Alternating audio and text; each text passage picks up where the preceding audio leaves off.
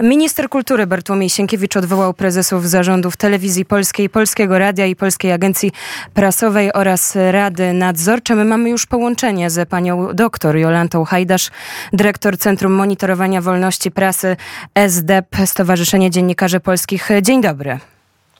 Dzień dobry Państwu, dzień dobry Pani redaktor i Panie redaktorze, wszystkim słuchaczom też. To poprosimy o, o komentarz do tego, co się wydarzyło przed parą, parą paroma minutami. minutami. Generalnie mniej więcej, tak jest, mniej więcej godzinę temu Sienkie, Bartłomiej Sienkiewicz, minister e, kultury i dziedzictwa narodowego poinformował o e, właśnie e, odwołaniu władz mediów publicznych, ale podkreślmy bardzo, bardzo wyraźnie, to jest działanie pozaprawne. On zrobił to na podstawie kodeksu spółek handlowych i um, wczorajszej uchwały Sejmu, wyjątkowo skandalicznej, absolutnie będącej zaprzeczeniem wolności słowa, ale dzisiaj odwoływanie, decyzje personalne to jest po prostu jakby krok dalej w łamaniu prawa na drodze tych zmian dotyczących mediów publicznych. E, I kolejne, to jest sprzed kilkunastu minut, wyłączenie TVP Info, wyłączenie portalu tvpinfo.pl i e, po prostu co stało się tak naprawdę no, na podstawie tych bezprawnych decyzji. Dlaczego te decyzje są bezprawne? Media oczywiście publiczne są spółkami Skarbu Państwa, ale są spółkami specjalnego znaczenia, dlatego ustawodawca przed laty, to nie jest działanie ani 8 lat temu, ani w ostatniej chwili, przed wielu laty, po transformacji ustrojowej, y, wpisał je do konstytucji i określa ich ustrój, ich sposób funkcjonowania specjalnymi ustawami.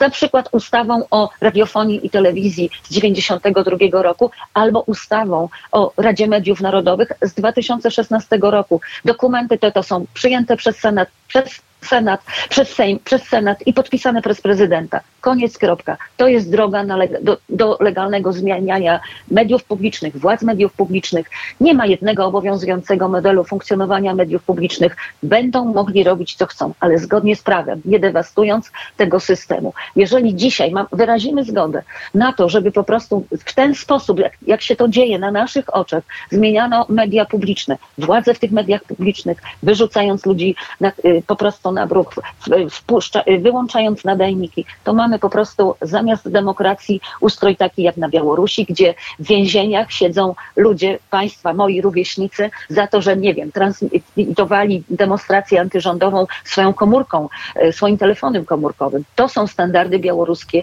które nam dzisiaj po prostu grożą, bo jeżeli łamiemy prawo, jeżeli e, lekceważymy to po prostu, co jest fundamentem demokracji, to co szkodzi po prostu pójść krok dalej. Dzisiaj zlikwidują media publiczne, za chwilę będzie im niewygodne Radio Wnet, Radio Maryja, czy Telewizja Trwam, czy portal niezależna.pl, może Telewizja Republika, no bo będzie mówić nie to, co rządzący by sobie życzyli. Tak to po prostu wygląda. Nie mam wątpliwości, że mamy do czynienia z wyjątkowo skandalicznym łamaniem demokracji, naruszeniem zasad wolności słowa. To jest działanie bezprawne, kiedyś poniosą za to odpowiedzialność. E, to takie, czy to jest działanie bezprecedensowe, bo też pytanie, jak do tego mogło e, dojść? Czy e, pani by określiła to działanie, tę decyzję ministra kultury i dziedzictwa narodowego jako decyzję bezprecedensową na przestrzeni ostatnich 33 lat? Ależ oczywiście, że tak, po prostu, ponieważ powtarzam, nie minister kultury czy jakikolwiek minister powołuje władze mediów publicznych. Do tego są określone specjalne procedury, e, po prostu opisane w ustawach e, składających się na polski system prasowy.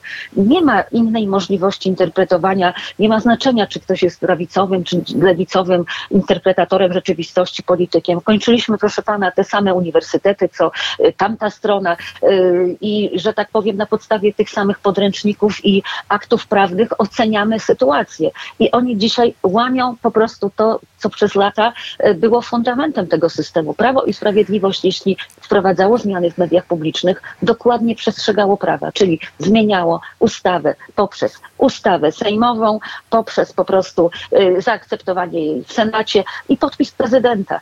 I to jest ta droga, której trzeba przestrzegać, bo ludzie mogą odejść, ale po prostu e, system będzie służył kolejnym pokoleniom. Nie można tego niszczyć. Powiedziała pani, e, pani dyrektor, jeżeli nie zaprotestujemy, jeżeli nie będziemy oporować, to będzie tak i tak. Jak zaprotestować? Kto ma protestować i, i jak to zrobić skutecznie? I jak ma się teraz zachować? I co może zostać zrobione właśnie, żeby zapobiec takim drastycznym zmianom?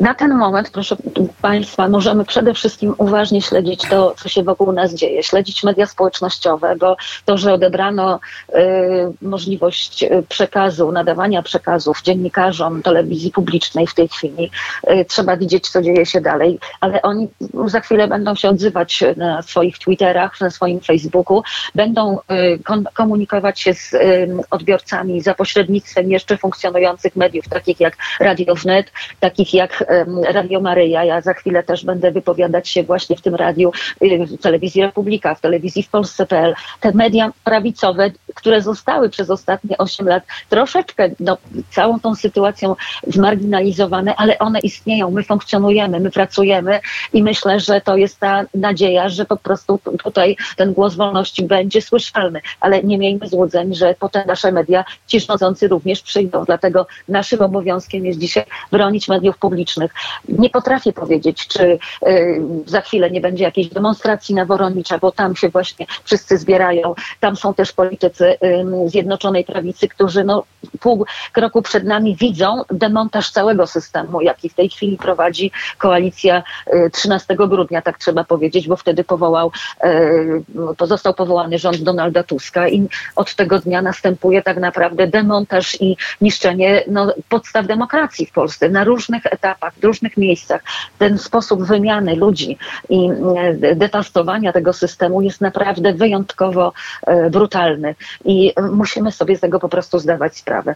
Być może za chwilę będziemy tylko mieć e, uśmiechniętych, prowadzących z przyklejonymi po prostu właśnie sztucznymi uśmiechami w, na stacjach, w stacjach tych telewizyjnych. Będziemy się dziwić, co się dzieje. Jest okres przedświąteczny.